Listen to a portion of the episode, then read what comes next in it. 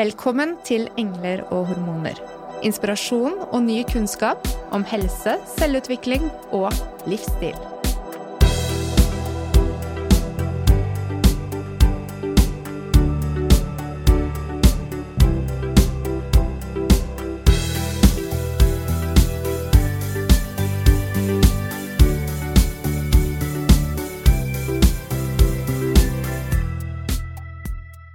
Vi vet at hvis du har det bra på jobb, da har du det bedre med helsen din. Og i dag skal vi utforske hvordan vi kan få ut det beste av oss selv på jobben. Hvordan det å trives påvirker hvordan du presterer, og hvordan det påvirker kvaliteten på livet ditt. Vi eh, vil gjerne jobbe litt nå med å reflektere over hvordan vi faktisk kan påvirke vår egen arbeidshverdag, og ikke alltid bli ledet av andre for å kunne oppnå en trivsel på jobb. Og for å hjelpe oss med det, så har vi hentet inn førsteamanuensis på Fakultet for samfunnsvitenskap på Oslo OsloMet, Karoline Hoslev Kopperud. Hjertelig velkommen til studio, Karoline. Hei. Hei. I ditt arbeid så jobber du mye med å utvikle våre ledere.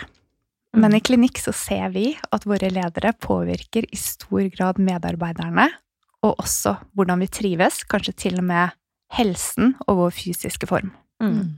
Og Det er derfor vi hadde så lyst til å høre fra ditt perspektiv, Karoline. Hva er det vi selv kan ta tak i? Hvordan kan vi selv jobbe for å trives i en arbeidshverdag? Som også påvirker positivt på livet vårt? oh, stort spørsmål. ja um, det er Altså, det er selvfølgelig mange ting man kan gjøre selv. Uh, det som jeg syns er spesielt interessant uh, for tiden, det er en del forskning som foregår på det vi kaller jobbforming. Mm -hmm. Eh, og jobbforming, det er en, en måte å, å, tilpasse jobben sin ens egne styrker, altså de tingene man selv er god på, eh, og, det, eh, og de arbeidsoppgavene som gir en selv engasjement. Og det er jo sånn at når jeg forteller om det til mine studenter og, og, og etter- og videreutdanningsstudenter og sånt så, så er det jo mange som reagerer med men jeg kan jo ikke akkurat gå rundt og finne på min egen jobb. Hadde mm. det vært så enkelt, så. Ikke ja. sant? Eller jeg kan ikke la mine medarbeidere få lov til å finne på sine egne jobber. De må jo forholde seg til, til de kravene eh, den stillingen de har, innebærer, da. Men, men, det er ikke helt det jobbforming er. Altså, jobbforming, det handler om å tilpasse en jobb du har innenfor de rammene den jobben gir. Eh, for det er jo faktisk ganske mye vi selv kan gjøre for å justere lite grann på hva slags type arbeidsoppgaver vi gjør mest av og minst av, og ikke minst hvordan vi gjør de arbeidsoppgavene vi gjør, da. Sånn at eh, jobbforming, det er en sånn konkret verktøy, egentlig, for å, for å forme egen jobb etter det en selv syns er mest interessant, og også det man opplever at man selv er best på, altså sine egne styrker. Er det ofte rom for det i, i en stilling eh, i en organisasjon eller et firma? Ja, det er et godt spørsmål. Altså, det vil sikkert variere veldig, litt avhengig av hva slags type eh, stillingen har, eh, så klart. Men, men innenfor et visst rom så går det jo an mm. å påvirke. Eh, og, eh, og, det er vel veldig få stillinger i dag som ikke har noe som helst form for autonomi, altså mulighet til å bestemme selv, da, eh, hvordan arbeidsoppgaver skal utføres, eh, i samarbeid med hvem, og så videre. Så dette dreier seg ikke nødvendigvis om, om sånne store revolusjonerende endringer av arbeidsoppgavene dine, men det handler om justeringer som gjør at du trives bedre, da. Mm. Og det er, en, det er en type aktivitet vi selv kan gjøre. Og jobbforming innebærer jo også hvordan du tenker om arbeidsoppgavene, at vi trener på hvordan man forholder seg til de arbeidsoppgavene man synes er kjedelig, frustrerende, vanskelig og sånt noe, og hvordan man forholder seg til de man tenker positivt om. Så, så det, det, handler ikke om de derre 'nå skal jeg gjøre noe helt annet' eh, type tingene, men det, det handler altså om eh, eh hvordan man kan gjøre justeringer, både innenfor faktiske oppgaver og innenfor hvordan man tenker om de oppgavene man har, da. Det er jo allerede veldig nyttige tips, for jeg tenker i forhold til enhver stilling, uansett hvor godt du trives eller hvor store utfordringer du har, så kan man reflektere rundt og legge større glede rundt alle oppgavene man har. Ja, og så er det jo sånn at eh, alle sammen har, altså alle sammen har ulike styrker, ikke sant, ting som man er spesielt god på. Noen er veldig, veldig kreative, andre er eh, veldig gode på, eh, på å ta initiativ, for eksempel, andre er bedre på liksom å være i samspill med andre mennesker, og så videre. Så, så det å liksom bruke litt sånn, reflektere litt over ok, så hva er det jeg egentlig er god på når jeg gjør jobben min? Og hvordan kan jeg bruke det jeg er god på når jeg gjør jobben min, til å håndtere situasjoner eller arbeidsoppgaver jeg synes er litt mindre ok, da? Da tenker jeg med ett på ord som tillit og kommunikasjon. Mm. At man på en måte må åpne opp for det, da. For det er vel kanskje ikke alle som kjenner på at uh, det er så lett å si vet du hva, disse, disse, oppgavene trives jeg ikke så godt med, eller jeg har lyst til å gjøre mer og mer sånn, eller Ja. ja. Absolutt. Og det, det, er jo litt sånn egentlig en lederoppgave, ikke sant? Fordi at eh, hvis vi ser på forskning på, på, på, tillit, da, eh, så er det jo eh, Veldig mange tenker at tillit må, må, komme først, før du kan liksom gi frihet til å utvikle seg. Men det vi ser, det er at gir du frihet til å utvikle seg, så kommer tilliten. Så, så hvis du tør å ta en sjanse, så, så kommer tilliten tilbake. Og så kan det jo hende at det er en sånn forsterkende forhold mellom det, at jo mer du gir frihet, desto mer tillit får du, eh, og jo mer tillit du på en måte får, desto mer frihet tør du gi.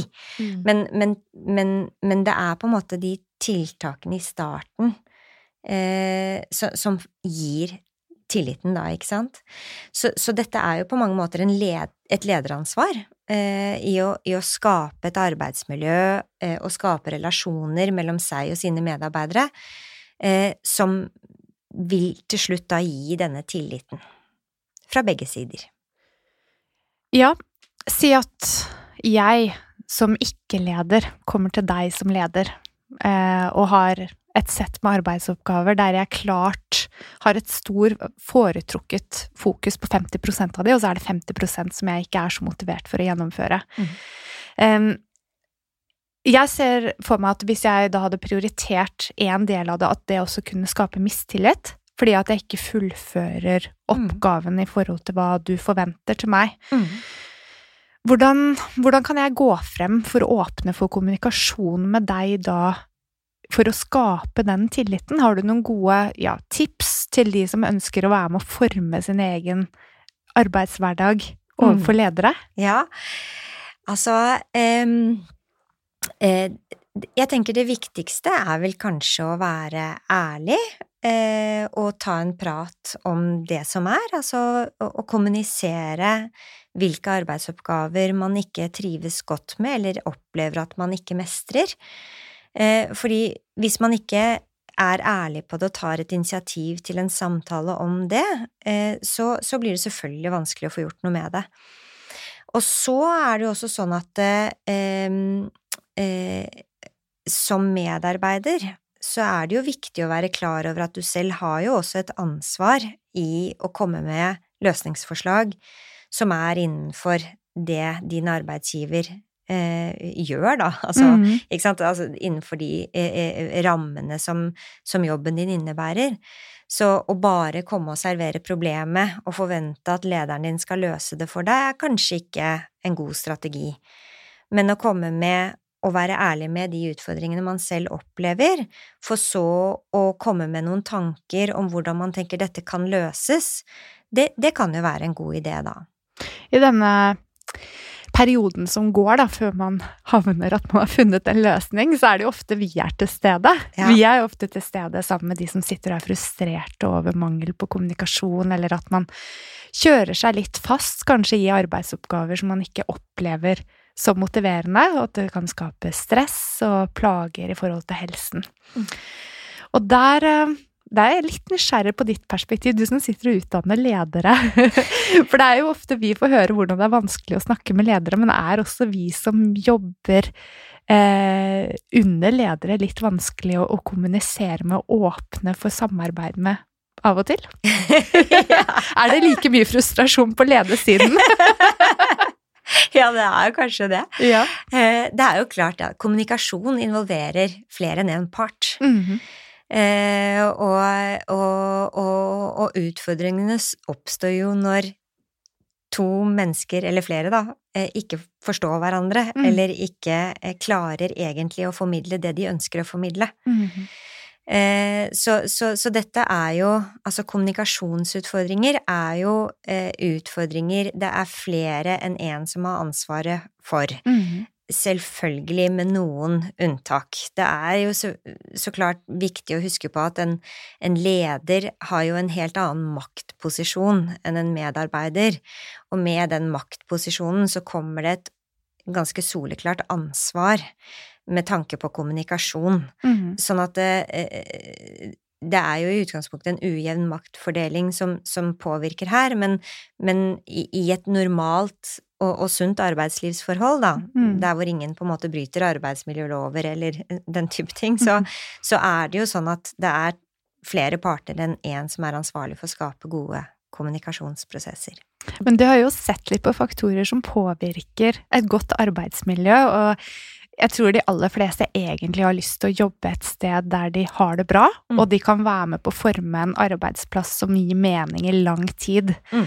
Og så eh, var det nå tidligere i år at det kom en artikkel som het Should I stay or should I go? ja. ja.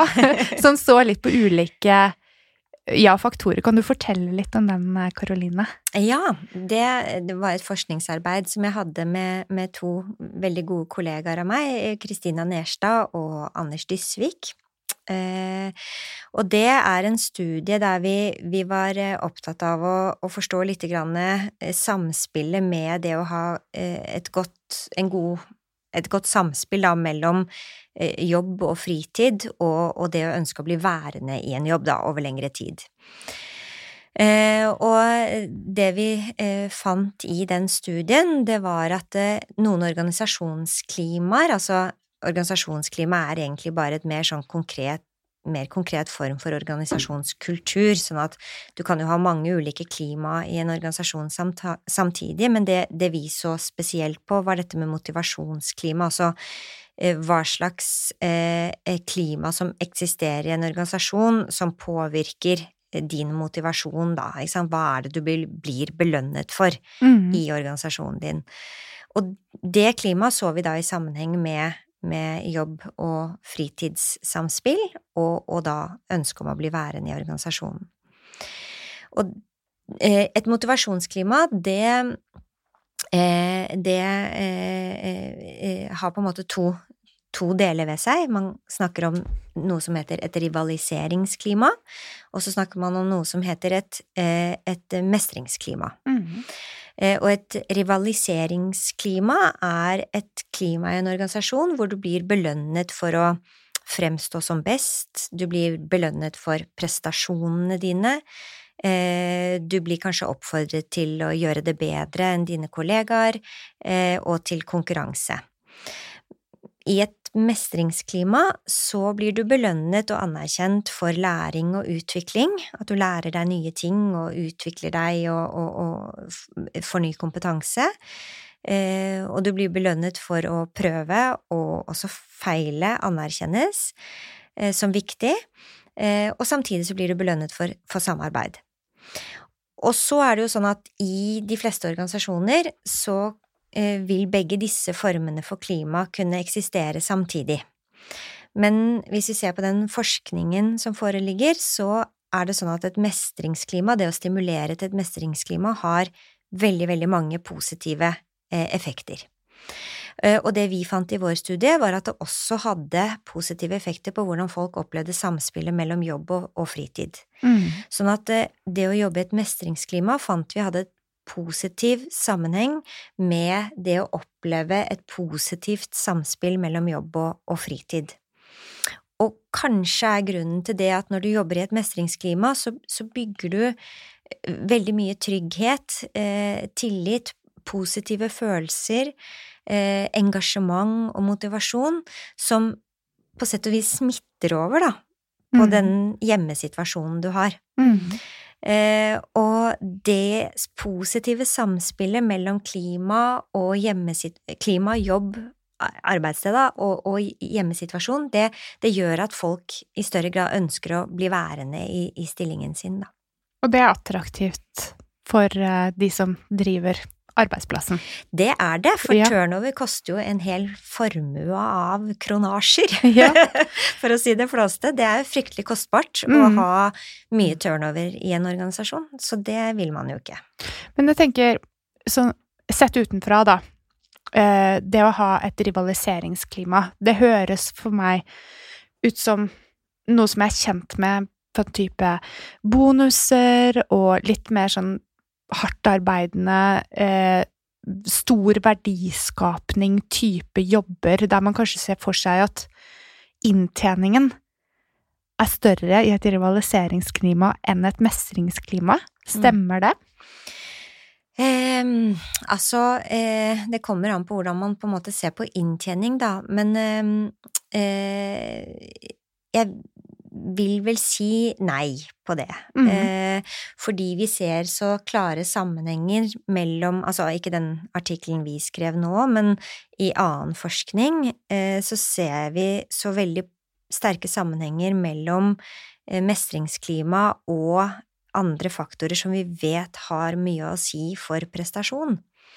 Hvilke andre faktorer er det? Ja, det kan for eksempel være motivasjon og kunnskapsdeling. Eh, eh, og positive følelser, eh, og de psykologiske variablene som, som, gjør at man presterer bedre, da. Mm. Eh, og eh, nå vet jeg også at det er gjort eh, flere studier også i for eksempel finansbransjen, da. Mm.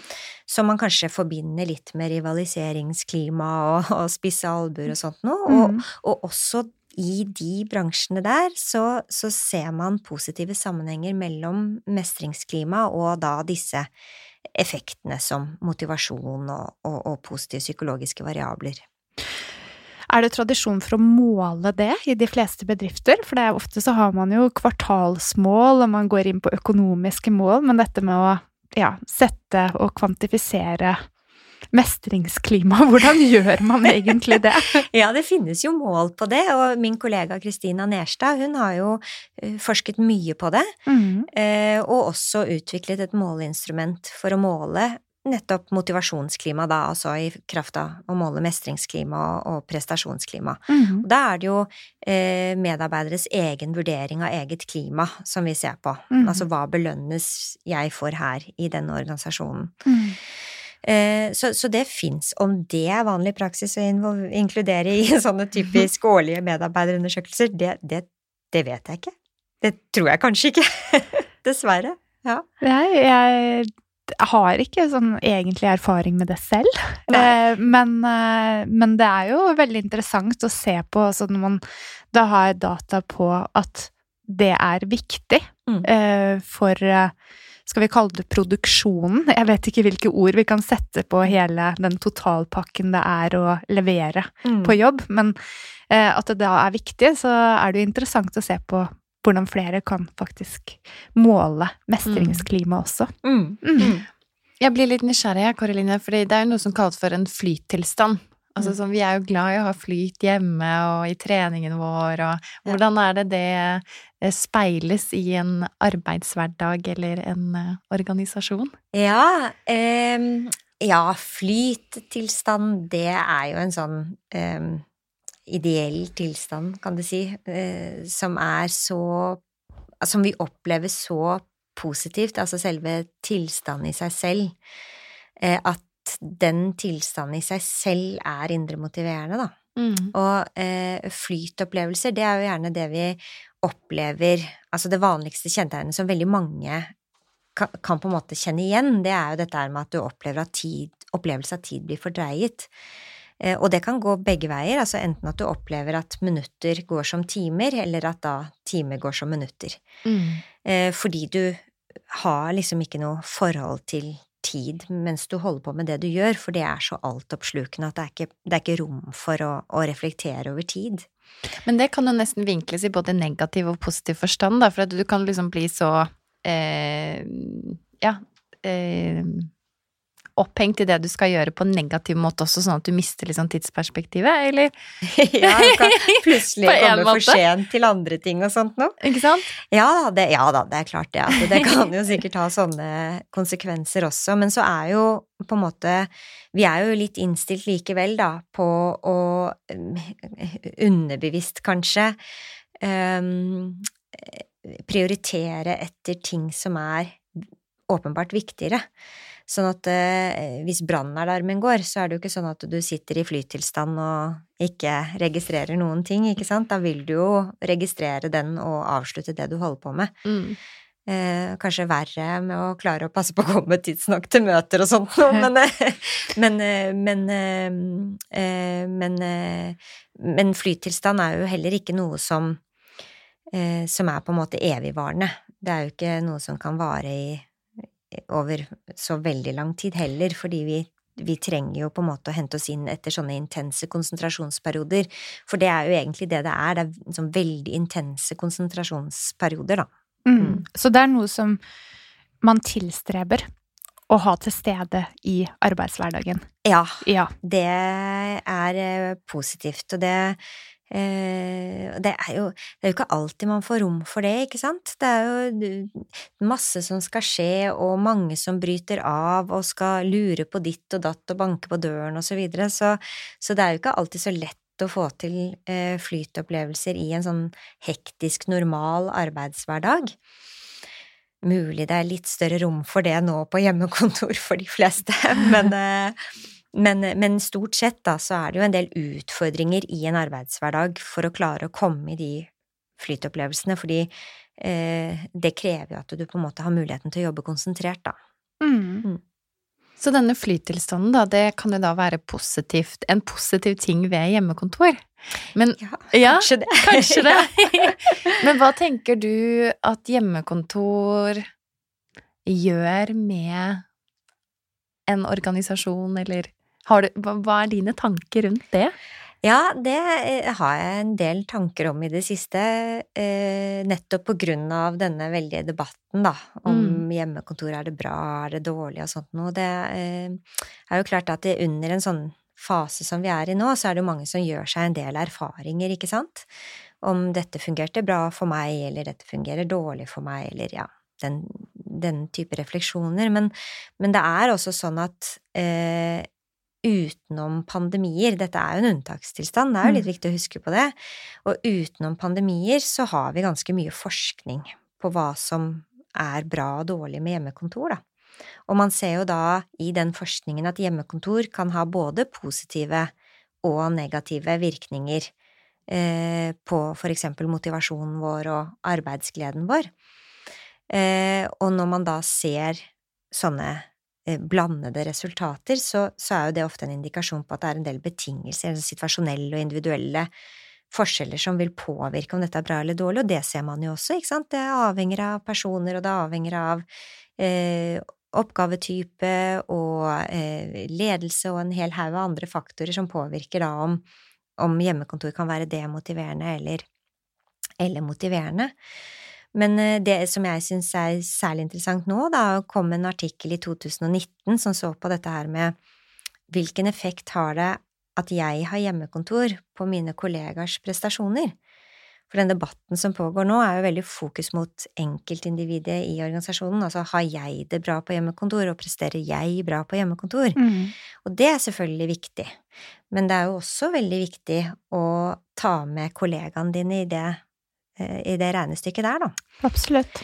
Og den forskningen uh, viser at det er uh, ikke så veldig bra for kollegaene dine sine prestasjoner hvis du sitter veldig mye på hjemmekontor. Litt er greit, altså Mm. jeg tror det var noe sånn som inntil åtte timer i uken, altså en arbeidsdag i uken. Det Mm. skal gå greit, men gjør, gjør du det mye, Mm. så går det altså utover kollegers prestasjoner.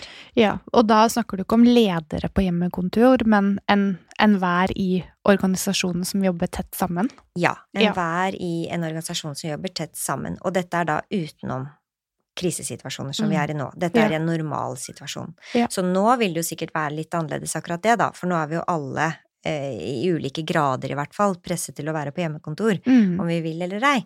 Så nå vil jo det kan, bildet kanskje være litt annerledes, men, men utenom krisesituasjoner, sånn som en pandemi er, Mm. så, eh, så ser man altså de virkningene, eller de sammenhengene der, da.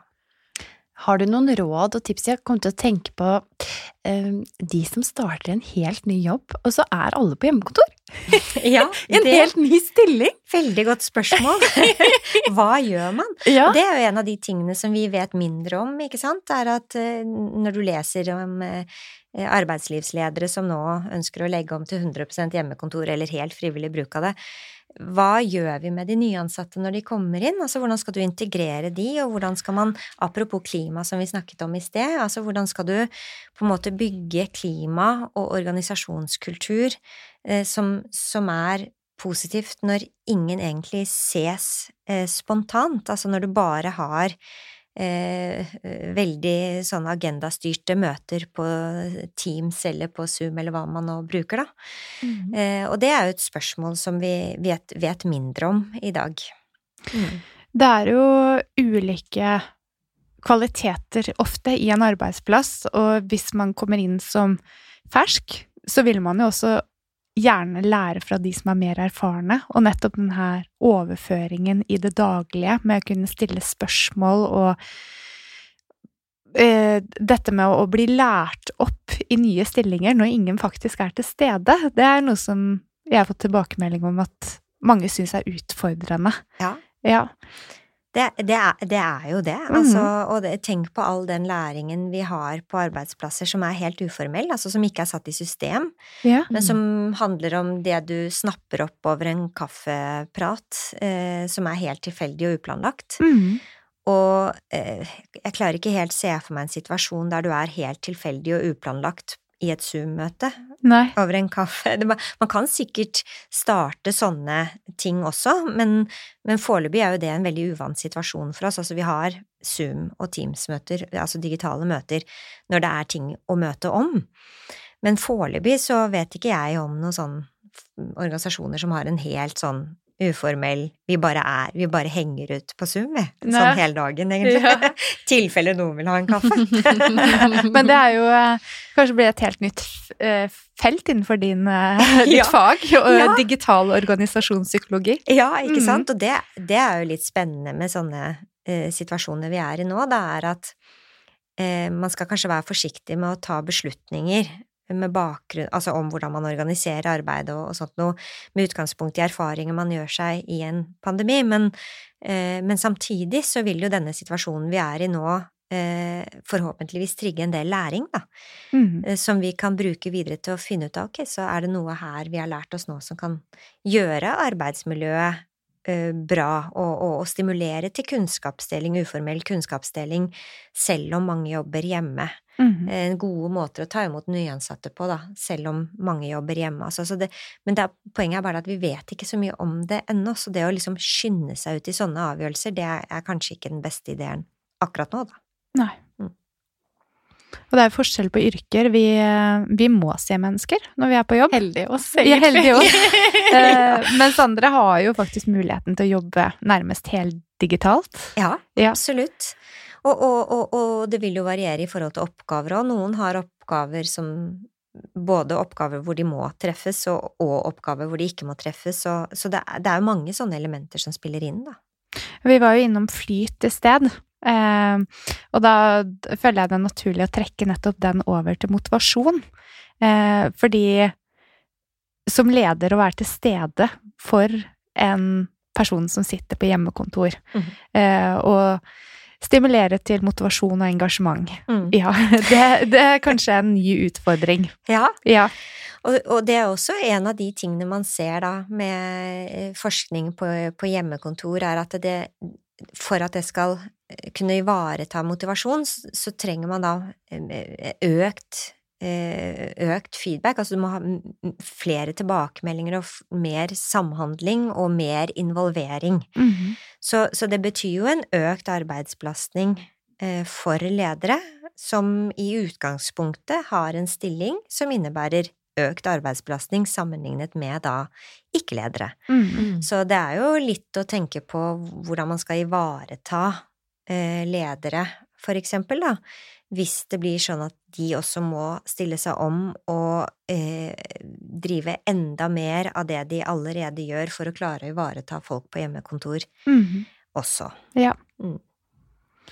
Det er jo um, ulike måter å løse det med å være leder i en pandemi, og det er jo et nytt fagfelt det også, er det ikke? Jo, det, Jo. det er det absolutt. Ja. Og, og det, for de av oss som har skolebarn, så så vi jo også veldig sånne ulike måter lærere, som jo også er ledere, mm -hmm. løse, eh, løse dette da, med å, med å nå ut til elevene sine. Mm, Og, eh, og, og, og etter en viss sånn tilvenningstid så begynte jo de fleste lærerne som jeg har vært borti i hvert fall, å, å, å strekke ut en hånd og ta kontakt med elevene sine og skrive en melding eller Mm. eh, åpne for chatfunksjoner eller invitere til Teams-møter, nettopp fordi at eh, den derre plutselige fraværet av sosialt samhold mm. ble så overveldende for en del barn, da. Mm. Og da eh, måtte man jo liksom snu seg rundt og, og, og, og skape samhandling andre steder. Jeg vil jo tenke meg at det må jo være mye av det samme for ledere også. Altså, det å liksom bare gi en datamaskin og sørge for en kontorstol, det, det kan være viktig, det altså. Men, eh, men det er nok ikke helt tilstrekkelig for å, for å kunne ivareta medarbeiderne sine på hjemmekontor. Nei, hva er tilstrekkelig, da? Hva Har du noen forslag til, eh, til Ja. eh, lederne der ute? Ja, uff a meg, ja, det, det er em, et vanskelig spørsmål. Jeg har vel ikke noe sånn veldig mm, forskningsbaserte råd uh, å gi med utgangspunkt i en pandemi. Nei, det forventer vi ikke heller. Nei, det er det er lov å synes det. Lov å synes det. ja. Men hvis vi bruker ledelsesforskning generelt sett, da, mm. så er det jo klart det at uh, det å, uh, det å um, ta kontakt med medarbeiderne sine og være i et samspill og gi tilbakemeldinger hyppig, og ikke vente til den der årlige medarbeidersamtalen før man liksom gir tilbakemelding, men å være i hyppig kontakt. Være nysgjerrig på medarbeiderne sine. Hvem er du? Hva liker du å jobbe med? Når kan jeg regne med at du er på ditt beste? Og Mm. hvordan kan vi liksom rigge denne jobben sånn at jeg ser mest mulig av ditt beste, da, eh, og at du trives og har det bra. Mhm. Det blir jo kanskje enda viktigere nå, som man ikke ses fysisk og kan si hei i gangen eller stikke hodet inn i en kontordør. Mhm. Eh, Så det å være på som leder med tanke på relasjoner, og gi tillit, eh, altså i kraft av å gi autonomi, altså tenke at ok, greit, jeg stoler på at du gjør jobben din, jeg trenger ikke liksom sjekke inn på deg hvert femte minutt for å sjekke at du gjør de og de arbeidsoppgavene da og da, er jo selvfølgelig også viktig på hjemmekontor, mm. og, og kanskje, kanskje også enda viktigere. Å bygge opp den relasjonen vil også avlaste for mye ekstra arbeid, vil jeg tro, Mm, for lederen. absolutt. Men vi var inne på motivasjon, og vi er jo litt ulike på hva som motiverer oss. Mm. Eh, og sett i forhold til mestringsklima og rivaliseringsklima, Mm. så er det vel noen som blir motivert av å få belønning for prestasjon. Og ja, at det også kan være viktig for å motivere medarbeidere. Hva tenker du om, om det? Og, Ja, altså da er vi jo nesten litt over på sånn virker bonusdiskusjon eller eller ikke, og det er det andre fagfolk i denne bransjen som kan mer om enn meg, men, men eh, det er jo klart at hva en organisasjon legger opp til av belønningssystemer, vil jo også påvirke hva du gjør, og hva du tenker du belønnes av, da. mm, Så hvis du jobber et sted som, som faktisk belønner deg med bonus, så vil jo det skape en forventning. Og hvis du da plutselig tar den forvent eller bryter den forventningen da, og tar det bort, eh, så kan jo det selvfølgelig skape en del frustrasjoner, da.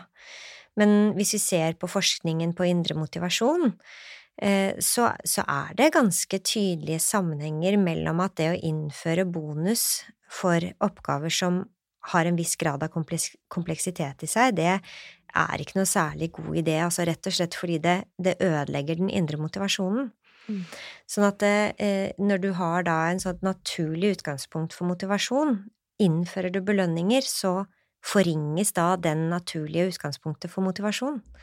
Og hva skjer da når du tar belønningen bort? Ikke mm. sant? For da virker det kanskje så lenge du gir belønningen, da.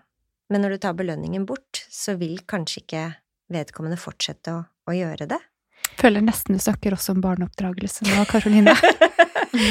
ja, det, det er eh, kanskje en brannfakkel, det der. Det er jo mye som eh, gjøres med lesediplomer og, og, ditt og datt også, så det, dette har jo en, en sammenheng. Men, og, men det er jo klart i en frustrasjon da, over at noen absolutt ikke leverer på det du ønsker at de skal levere på i en mm. arbeidssituasjon, Eh, så er det jo eh, veldig fristende å ty til ytre belønning. Og så har vi jo veldig ofte i forhold til Vi er jo trent opp til å tenke om arbeidslivet som at det er et sted hvor du blir ytre belønnet nettopp fordi vi er vant til å få lønn, og da gir du noe for å få noe tilbake, ikke sant? Mm. Så det er, noe, det er jo ikke noe rart å tenke det, og det skal sies at det er mye rundt denne bonus-ikke-bonus-debatten og sånt noe som kanskje ikke er helt klart ennå. Men, men det som er klart, er at ja da, eh, penger for eksempel motiverer det eh, hvis du har en, en høy og konkurransedyktig fastlønn, mm. for det innebærer jo en tillit til at jeg stoler på deg, at mm. du gjør den jobben du gjør, mm. uh, uavhengig av hva jeg gir deg, men det er jo klart at du må jo ha være fornøyd i utgangspunktet med de der mer sånn vedlikeholdsfaktorene som lønn og, og sånt noe. Mm. Ellers så begynner du jo bare å tenke på andre typer jobber som gir deg bedre betalt, da, ikke sant? Ja, hvis det er motivasjonen. Ja, ja. ikke sant, og mm. det, så det er jo selvfølgelig en faktor. Så lønn, høy fastlønn, kan virke veldig motiverende.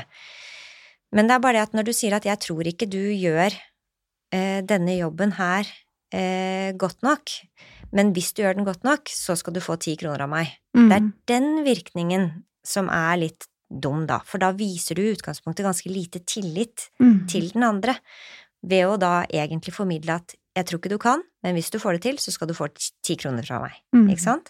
Og det er jo gjort massevis av forskning, både eh, eksperimenter og spørreundersøkelser blant barn og voksne som på en måte bekrefter dette, at hvis du innfører ytre belønning, så Eh, så forringer det da den indre motivasjonen, og også da eh, eh, til slutt da prestasjon, ikke sant?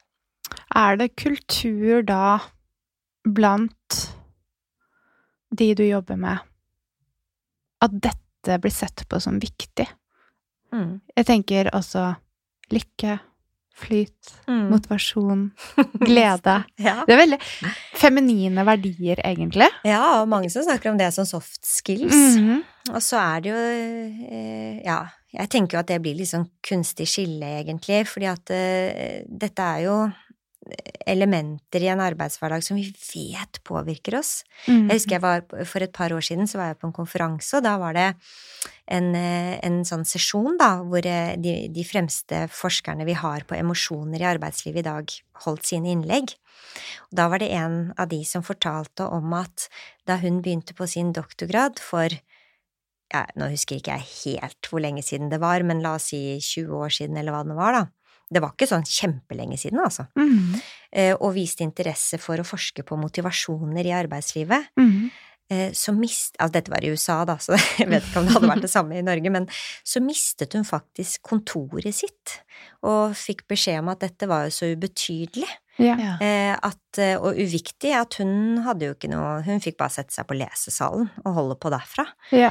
Så det er jo et område som har fått økt oppmerksomhet, og også økt status etter hvert som årene har gått, da.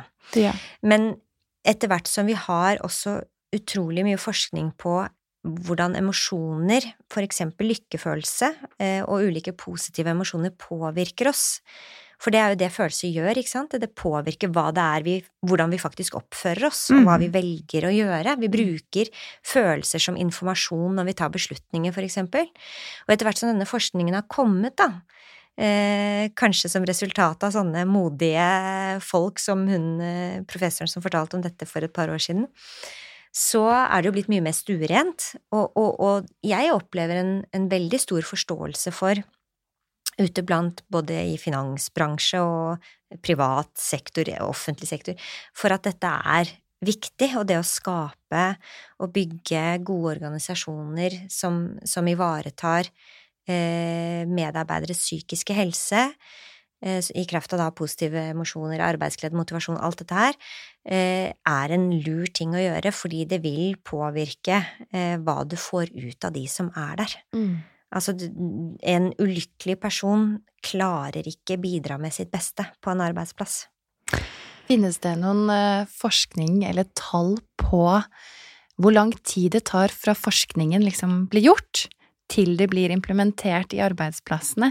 Vi ser på forskning som blir gjort eh, på bekkenleddsmerter, for eksempel. Det tar i snitt 17 år før det kommer ut i praksis blant klinikerne. Mm.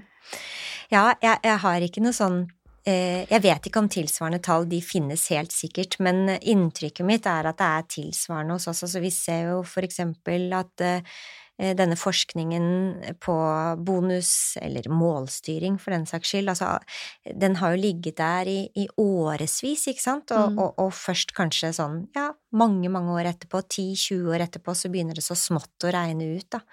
Det er jo klart at der har jo vi som forskere et ansvar, selvfølgelig, i å, i å eh, være tydelige på formidling av forskningen ut i, i media og andre eh, samfunnsaktuelle kanaler, da. Eh, og så er det jo et ansvar som ligger hos praktikere i å oppdatere seg og være nysgjerrig og søke kunnskap og informasjon. Så det er jo et sånn fellesskap som kanskje ikke fungerer helt perfekt i dag. Ser du, hvem er det som er mest nysgjerrig og tar dette raskere til seg? Er det gjerne en viss aldersgruppe, eller er det noe forskjell på kjønn? fiske, fiske. Fiske, fiske. Ja. Eh, nei, det vet jeg ikke. Det kan jeg ikke si noe om, altså. Nei. Eh, men det er en kjønnsforskjell på selvinnsikt, da. Ja. ja. Og selvinnsikt må jo til før man tenker at man trenger kunnskap. Eh, og det er jo eh, eh, Ser jo ut til da at kvinner på en måte er, har mer selvinnsikt da enn en menn. Og, og så er det spørsmål hvorfor, hvorfor det, da? Altså hvorfor er det sånn? Dette er jo store tall, da, så Mm. dette er selvfølgelig mange unntak til det. Det er litt sånn skummelt å snakke om det, men Mm. så det er masse unntak, men, men i de store tallene så, så ser man det at kvinner viser mer selvinnsikt da enn det menn gjør, og hvorfor det, det lurer man på kanskje kan skyldes i at eh, kvinner prater seg mer gjennom ting de har vært igjennom. Det er ikke fordi de er bedre mennesker sånn sett, og det er jo store variasjoner innenfor blant kvinner òg, så det er jo ikke det, men, men det, det ser ut til at kvinner har en større tendens til å prate seg igjennom og, og reflektere over det de har vært igjennom, og, og også etterspørre feedback. Hvordan virket jeg, hvordan gikk dette? Eh, altså kan du si at noen ganger så kan usikkerhet være ens beste venn, da, med tanke Mm. på skape eh, bedre selvinnsikt. Mm. Og tenker- kanskje gode eh, unnskyld, eh, kvalifikasjoner for å være en leder også? Ja, absolutt. Det, selvinnsikt er, har vist seg å være en vesentlig faktor for å klare å utøve god ledelse, da. Mm. Mm. Og så har jeg et spørsmål til jeg, fra den katten her. Ser du noe forskjell sånn, på nye liksom startups eller nye, nyetablerte firmaer kontra disse store som har liksom holdt på i 100 år? Ja, ja det, altså når det gjelder eh, eh, Altså tenker du da på selvinnsikt, eller hva? På, altså på disse soft skills versus og arbeidsklima og Ja, mm. Altså, det er eh, altså eh, mange situasjonsfaktorer som påvirker hva det er som er eh, god ledelse, og vi vet jo for eksempel at i kriser så vil man kanskje forvente og ønske en annen type ledelse enn det man gjør i ikke-kriser og sånt noe. Og det samme vil jo nødvendigvis gjelde for størrelser på organisasjoner, som kan spille inn på Ja, altså har du 40 medarbeidere du har personalansvar for, da, sammenlignet med hvis du har tre, så er det jo klart at det påvirker hva slags type relasjoner du klarer å utvikle med hver enkelt medarbeider. Mm. Så, så disse tingene har så klart mye, mye å si, da, for hva slags ledelse du, du klarer å, å utøve, og, og, og, noen ganger også hva slags ledelse som folk opplever som god ledelse, da. Mm. Det er utrolig fint å høre hvordan du snakker om de ulike faktorene som spiller inn for å ha det bra i arbeidslivet. Mm. Fordi vi er kanskje opplært til å tenke at vi gjør jobben vår, og vi skal jobbe hardt, og så skal vi få betalt. Mm. Men det at disse andre nivåene av hvordan du har det i hverdagen, eh, kall det magefølelsen på hvordan det er å gå inn på jobb, Mm. at du kjenner at du setter deg ned og gleder deg til å gjennomføre, har lyst til å prestere, Mm. og så kan få eh, livskvalitet ut av det Mm. også. At dette er temaer som kommer inn på Mm. arenaen for dere som jobber med faget. Mm. Det er så fantastisk. Mm. Jeg føler at vi er på vei inn i tverrfaglighet også der. Ja, ikke mm. sant? Ja, det har jo utrolig mye å si, altså. Eh, tenk på alle de timene vi er på jobb, da. Eh, vi bruker jo mer tid, egentlig, på jobben enn det vi gjør på fritiden vår, sånn jevnt over en vanlig arbeidsuke. Eh, altså, hvis man da ikke tar hensyn til de timene man sover, da, selvfølgelig. Ja. Men, men eh, Det kommer an på. Ja, det, ja, Ja. det kommer litt an på. Det er Ja. et godt poeng. men, men stort sett da, så bruker vi ufattelig mange timer eh, av vårt våkne liv Mm. på en arbeidsplass. Og hvis vi har det dårlig på den arbeidsplassen, enten at vi føler oss utrygge eller understimulerte eller eh, usikre, eh, slitne, eh, så er jo klart at det spiller over på eh, på hvordan vi har det ellers i livet. Jeg så nå nettopp eh, var det en, eh, noen forskere i, i Nederland som har publisert en fantastisk interessant artikkel som viser det at hvordan du har det på jobb eh, eh, Altså hvordan du har det på jobb, om du opplever engasjement, eller om du opplever grader av utbrenthet på jobb, faktisk kan påvirke, påvirke da ditt barns psykiske helse. Så Ja. det, det er det å ha det bra på jobb, altså jeg tenker det er selvfølgelig viktig i et organisasjonsperspektiv med tanke på å, å få det beste ut av folka dine når du er leder, da, eller driver en organisasjon, men det har også en, en ganske viktig samfunnsrolle å sørge for at voksne mennesker har det bra på jobb, for det betyr noe for hvordan de er når de kommer hjem. Mm. Livskvalitet. Å, det var en eh, bombe. Den tenker jeg, om ikke, om ikke de der hjemme har skjønt hva vi har snakket om før, så tror jeg de våknet nå. Ja, Ja. så bra! For det er eh, Da blir plutselig eh, effektene av hvordan du har det på jobb, veldig tydelige når det lander på dine aller nærmeste. Og det er vel Mm. det som heter carry over effects i studiet ditt, som viser om hvordan ja, Ja. man påvirkes også i forhold til kvalitet Ja. eh, i livet utenfor jobb. Ja, Mm. absolutt. Og bare tenk på liksom hva slags positive samspill man kan ha mellom jobb og fritid hvis man bare har det tilrettelagt for. Altså, hvis du lærer deg masse nyttig på jobben, du kan jo for eksempel være i en situasjon hvor du lærer deg konflikthåndteringsferdigheter fordi du plutselig havner i en, en ledersituasjon hvor du må håndtere en konflikt. Og de ferdighetene kan man jo få bruk for på hjemmebane innimellom.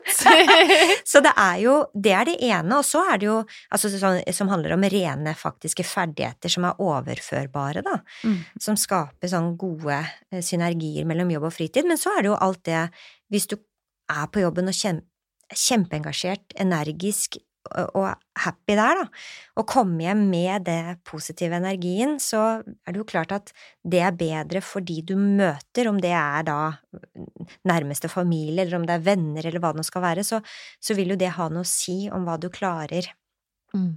å være på privaten òg, da. Noen ganger så er det da veldig fint å kunne ta med jobben hjem, eller i hvert fall deler ja, av den. Noen Ja. ganger. Mm. Og det, og det er litt viktig, tenker jeg også, å presisere at ingenting av dette betyr at det er normalt å bare ha gode dager. Det er det ingen som har. Jeg er også demotivert på min jobb fra annen. Eh, og lei, og trenger en pause og en ferie. Så det, det er jo ikke sånn at, eh, at man alltid må være overlykkelig på jobb for å kunne si at man har en, en god jobb man er glad i, da. Men det er vel den der oppsummeringen av hvor mange gode versus dårlige dager har du. Mm. Og, og hvis du på en måte oppsummerer det som er bra, eh, veier det tyngre enn det som er dårlig. Det er, det er de refleksjonene, da, ikke sant? For jeg tror det er også utrolig viktig å ha en aksept for at livet ikke er rett frem. Og livet er ikke bare en å, for veldig, Eh. veldig klisjé. Det er ikke bare en Dans på roser? For et samspill dere to har! Men da måtte jeg tenke veldig. Jeg er glad hun ikke pekte på meg. For jeg satt og tenkte hardt. ja. Det Nei, er, men, det, men, det, men det er jo litt viktig, det òg, ikke sant? Og det, og, og det å klare å liksom lære seg å stå i de dårlige dagene. Mm. Eh, og akseptere at de er der, og akseptere at nå er jeg altså så møkk lei, Mm. og eh, dette gidder jeg ikke med, jeg er frustrert og jeg er sint og alt det, og bare tenke at ja, det er jeg, og det gir meg informasjon om hvordan jeg skal navigere videre, og liksom tåle det, da.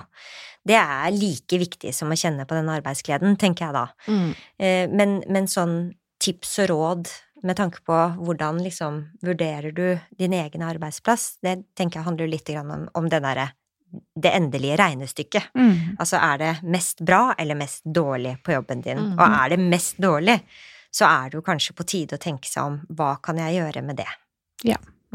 Jeg tenker det er naturlig å avslutte der. Så kan du der hjemme gjøre deg dine egne refleksjoner. Eh, vi begynte å bli litt varme i trøya nå, så det er nesten synd å avslutte. Men Karoline skal få gå videre og skrive og forske, og så Mm. kanskje vi er så heldige å få høre tilbake fra deg en annen gang. Ja, Ja. veldig gjerne. Tusen takk for meg. Ha det godt! Ha det.